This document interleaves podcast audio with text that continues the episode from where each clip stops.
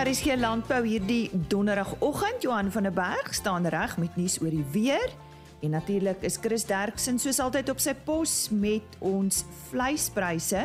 Dan vind ons meer uit oor 'n veiling daar in die Posmasburg omgewing wat op 24 Februarie gehou word. En ons praat oor die nommer 1 onkruid in die FSA wat ook slegte nuus is vir Suid-Afrika en dit is die Palmer Amarant.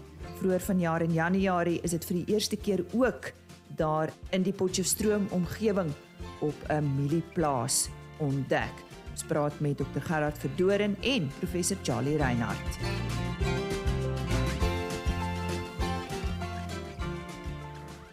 My naam is Lise Roberts en uh, hartlik welkom by RSG Landbou.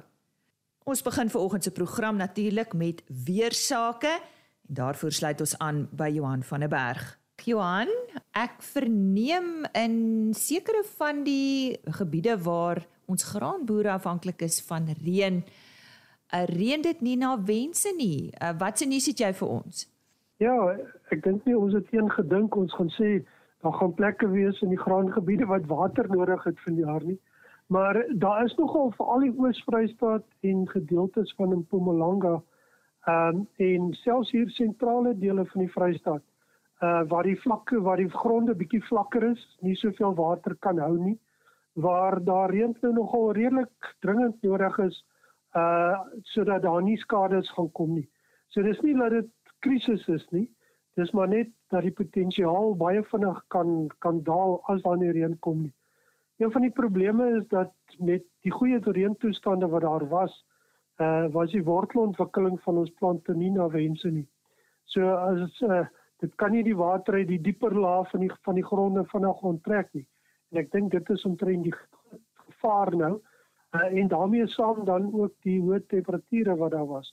So daar is kolle, maar ek dink nie daar's om te sê dit is groot skades of 'n ramp op hierdie stadium nie. Wat van die Noord-Kaap? Hoe lyk omstandighede daar? In die Noord-Kaap lyk vir die veeboere lyk dit eintlik fantasties. Uh daar's baie opvolgreën gewees. Daar was daardie swaar reën van so 'n week of 2 gelede waar dit tot 100 mm in die Kalahari en in die Karoo uh gedeeltes geval het. Daar hier en daar is daar dalk wat 'n bietjie minder reën geval het, maar die grootste ding wat vanjaar gebeur is dat die daar opvolgreën was. So ek ek wil my verstout om te sê die droogte is daarom tot 'n groot of in 'n groot mate gebreek uh in terme van reënval ek dink die die ekonomiese droogte vir die boere is nog glad nie gebreek nie. Mm, mm. En dan natuurlik uh, waar daar 'n redelike probleem op hierdie stadium is is die rosientjie boere in die Noord-Kaap. Uh met die reën en bietjie laer temperature uh word die rosientjies is die suikergehalte nie nie na wense nog nie. Uh en die oestyd is al reeds laat en dit lyk of hier vir die volgende paar dae reën kan wees hier na die einde van Februarie en begin Maart. So ek dink daar is nogal regtig waar 'n groot probleem uh wat in daardie gedeeltes ontwikkel. En dan in die Oos-Kaap, ek weet uh, daar's nog steeds damme wat se vlakke baie laag is. Het jy nuus vir ons daar Johan? Ja, daar's veral die uh, Kouga dam is nog dink ek onder 20%. Uh dit het daarom van omtrent 4% gestyg so 'n paar maande gelede, maar op hierdie stadium dis is dit veral daardie dam. En daar is ook gedeeltes in die Bo-Langkloof wat ook nog waar die damme, kleiner damme nie vol is nie. En natuurlik is daar uh, gebiede waar uh, veeboere nog ernstig droogte ervaar. Uh maar dis kleiner kolletjies naby Kraddock, daar naby die Bergsebra uh, uh park is daar is daar boere wat nog water moet aanry vir hulle vee. Daar is nie veiding selfs en dan ook Jansen wil en gedeeltes van Stytler wil daardie dele en, en nog van van die ander omliggende distrikte is daar kolle wat ook regtig waar nog nog ernstige droogtes ervaar. Dis nou terugvoer, so hoe lyk dit uh, vorentoe Johan?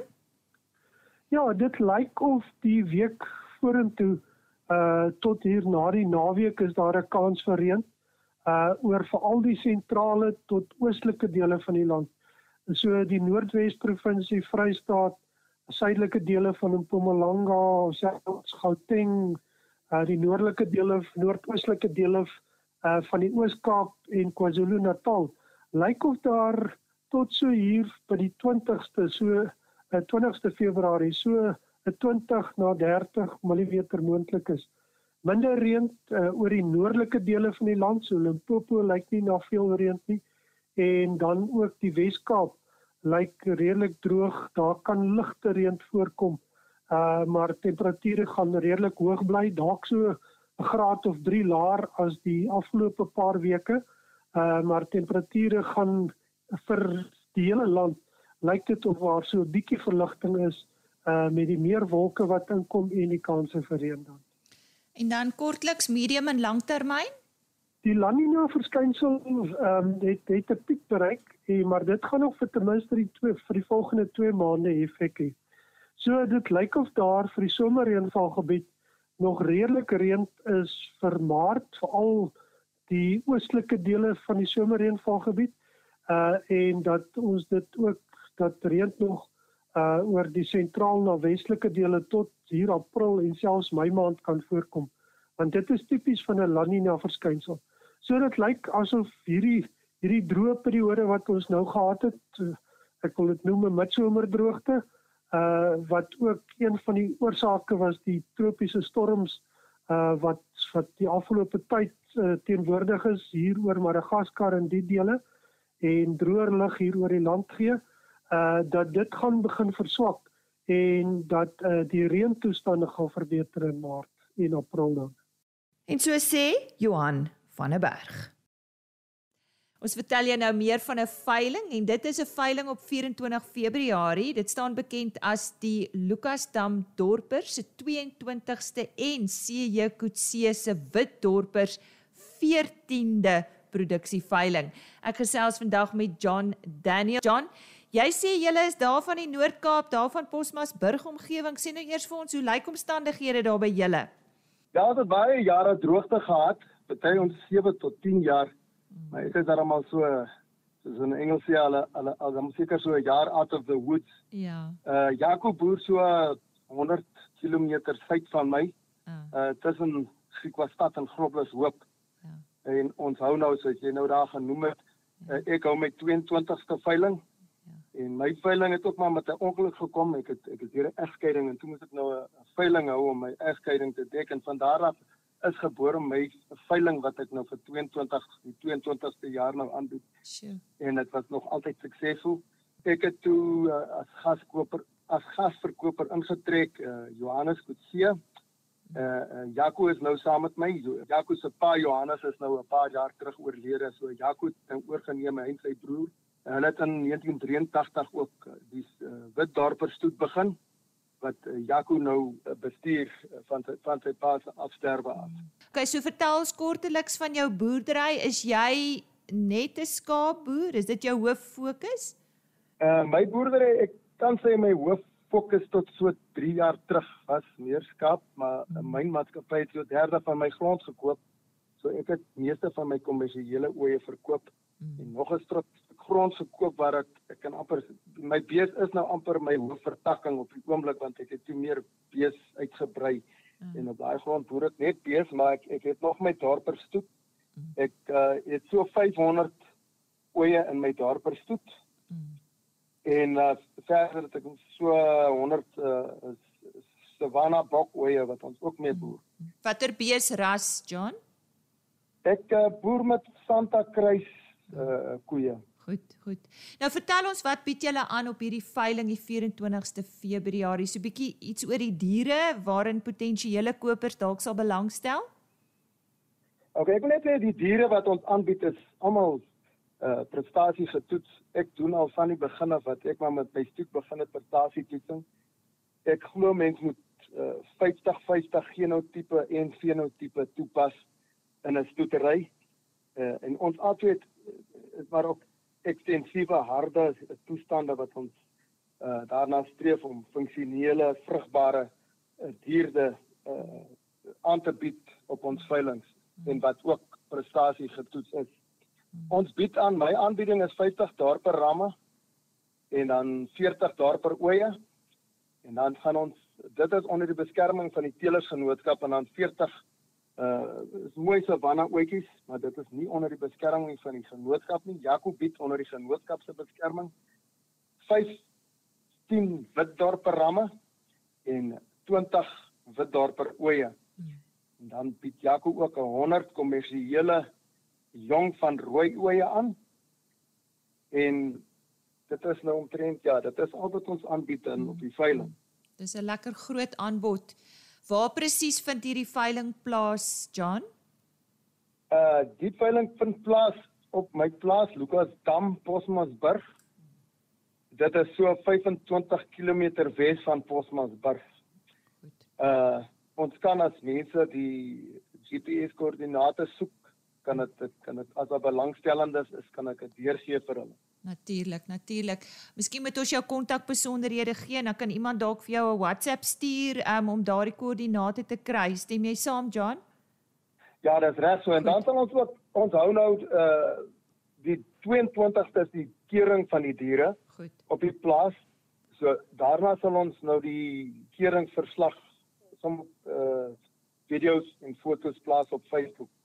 Goed. Op ons Facebook op my Facebook bladsy. Goed, en wie bied en op, wie en bied die, en die, en die af die afslaer sal ook dan ook daai goed versprei. En wie is dit? Dis Noord-Kaap Lewende Hawe Vryburg. Noord-Kaap Lewende Hawe Vryburg. Goed. Ons het gesels met John Daniels net weer. Dit is op die 24ste Februarie op sy plaas Lukas Dam daar in die Posmasburg omgewing. Dit is die Lukasdam Dorper se 22ste produksieveiling en CJ Kutse Witdorper se 14de produksieveiling. John, goed, jou kontakbesonderhede. Ja, ek wil net ja, net gou my besonder my uh my kontak is 082 55 22 933. Goed, ek gaan dit herhaal. Ja. Dit dit is John Daniel 082 55 22 0933.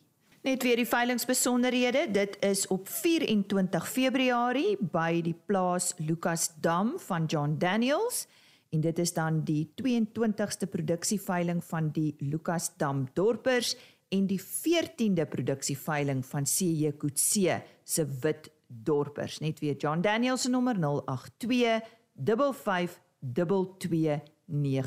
22 Chris Derksen staan reg met ons vleispryse. Hierdie pryse is behaal by veilinge in die Noord-Vrystaat en dit was op Dinsdag 15 Februarie. Môre Chris. Goeiemôre Lisa en al ons medeboere. Ek gee graag vir julle hierdie week die verslag van Woensdag die 16de. Dis interessant dat vetkoeie stadig aan meer word in die mark en sekerlik 'n neerdrukkende effek op hulle pryse sal hê wat 'n tipiese najaars dings alwees en ons weet nie hoeveel hoe erg dit sal wees nie want die uitvoere maak baie op daarvoor.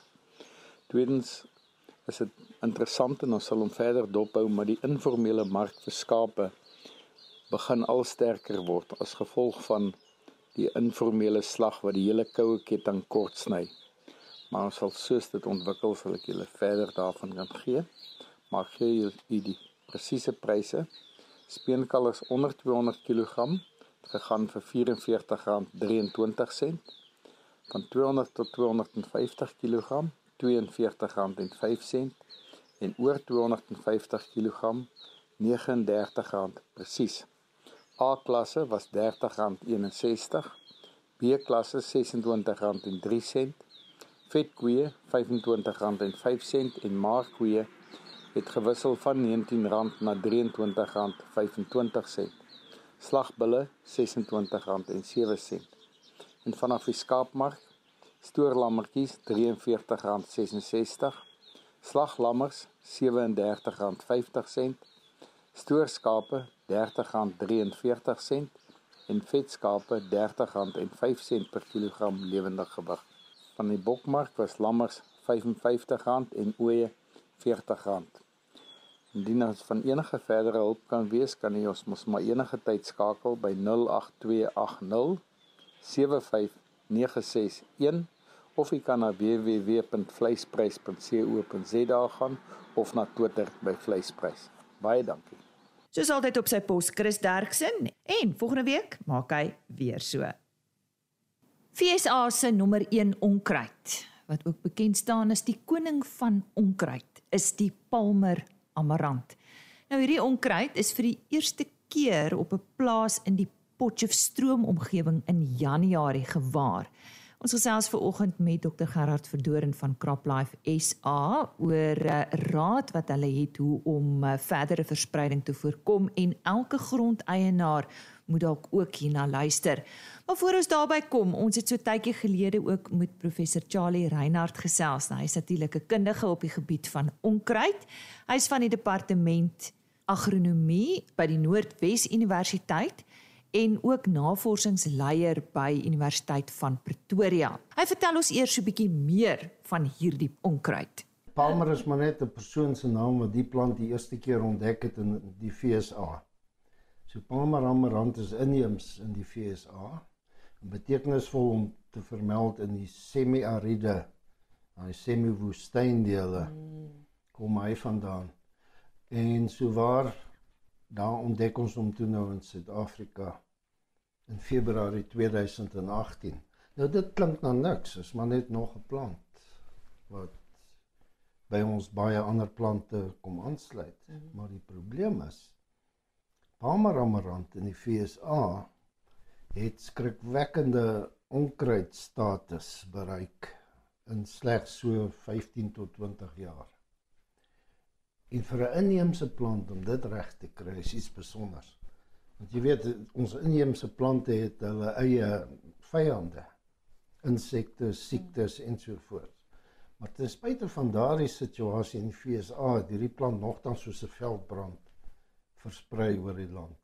Weet jy in die 70er jare was hy nog nie eens het hy nog nie op lyste van onkruide verskyn nie. In in die 80s toe verskyn hy die eerste keer as 'n onkruid, maar laag op die lys van die prioriteitslys by net twee state in die FSA, Noord en Suid-Carolina.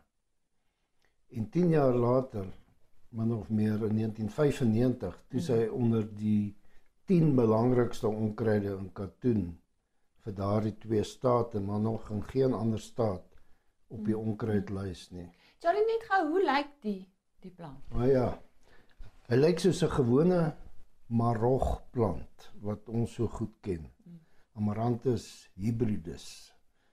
Maar hierdie een is Amaranthus palmeri. Palmer palmeri, man wat hom ontdek het.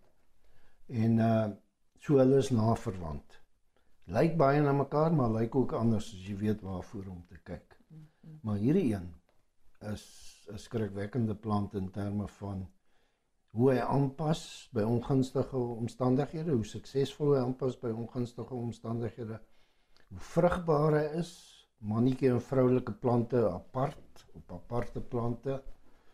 Uh en die uh, vroulike plant is iets besonders. Uh eenvoudig toegerus, geneties toegerus om saad te produseer. So sê die bekende professor Charlie Reinhardt, natuurlik 'n kundige op die gebied van onkruid. Nou CropLife SA het in Januarie hierdie waarskuwing gerig aan boere om op die pasoppens te wees. Ek het toe uh, met Dr Gerard Verdoren hieroor gesels. Gerard, net so 'n bietjie uh jou siening van hierdie onkruid? Ja, ek dink ons almal of dit nou Jan publiek of die boere is, is bekend met die sogenaamde misbredie.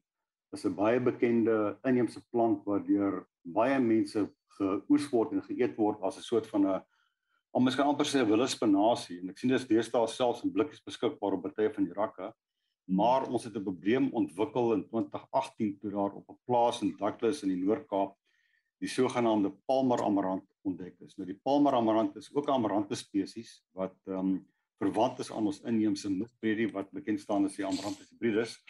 En die probleem met hierdie Palmer amarant is die plant het 'n geweldige vinnige groei tempo.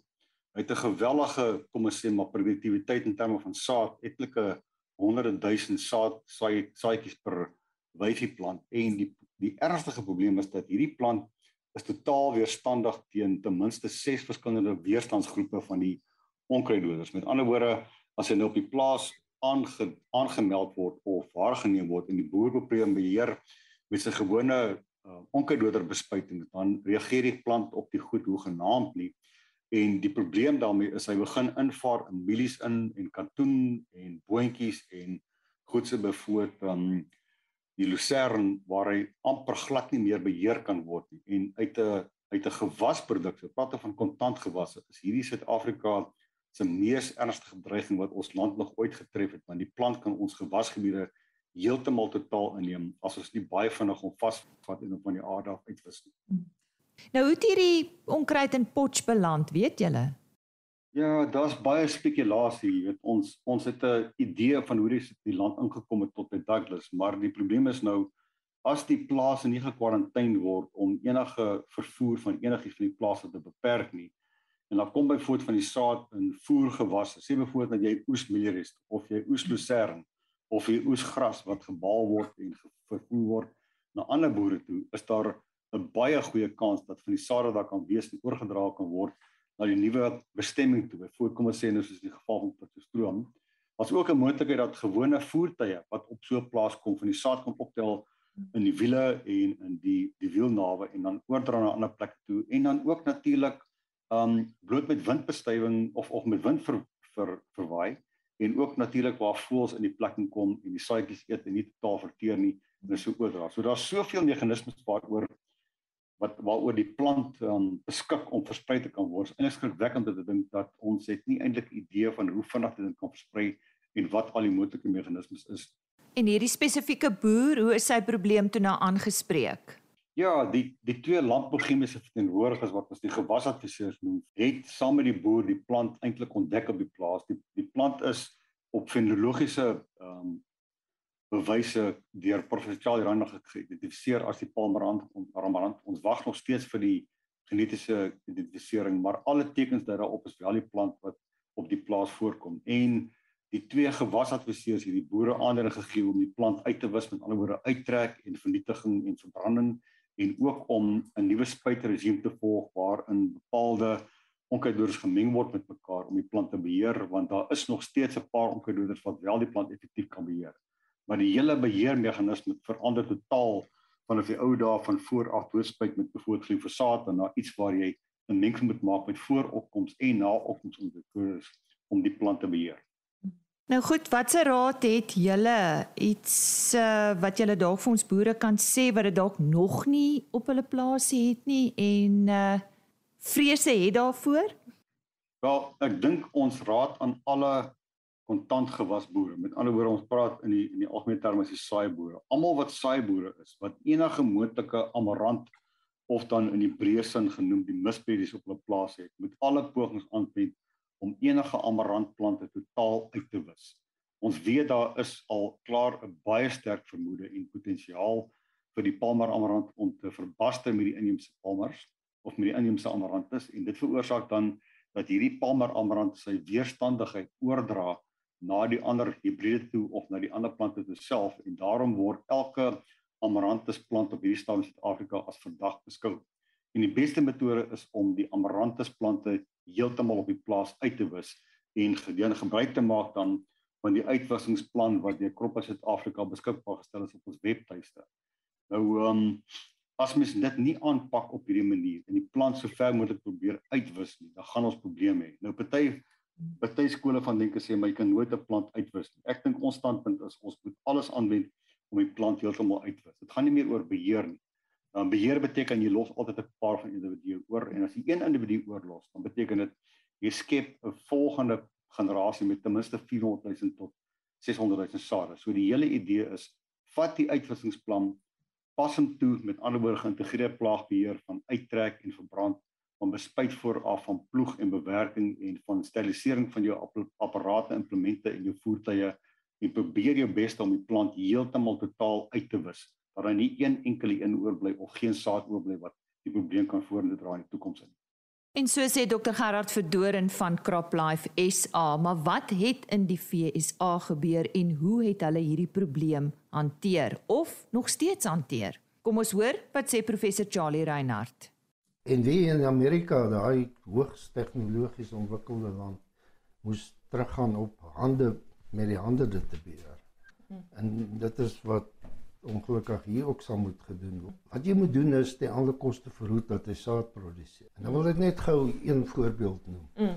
Ons 'n wetenskaplike studie is 'n artikel gepubliseer in 70 in mm. 1987. Mm.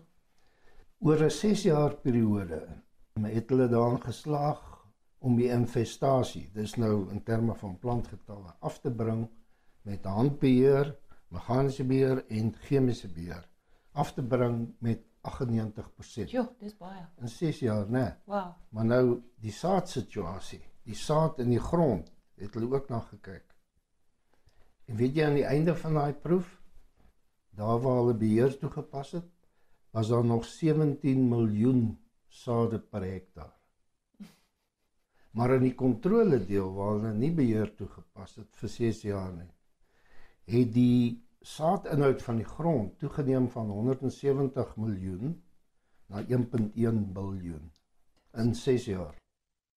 Dit was dan meer oor die nommer 1 onkruid in die FSA, die Palmer amarant wat eh, in Januarie vir die eerste keer daar in die Potch omgewing op 'n plaas, 'n mielieplaas gewaar is en uh, ons het ver oggend gesels met professor Charlie Reinhardt Hy is uh van die departement agronomie by die Noordwes Universiteit en ook natuurlik voor dit raad vanaf CropLife SA en aan die woord daar was Dr Gerard Verdoren. Fluit fluit my storie is uit vir hierdie week. Onthou ek is maandagooggend om 5uur weer terug met nog 'n aflewering van RSG Landbou.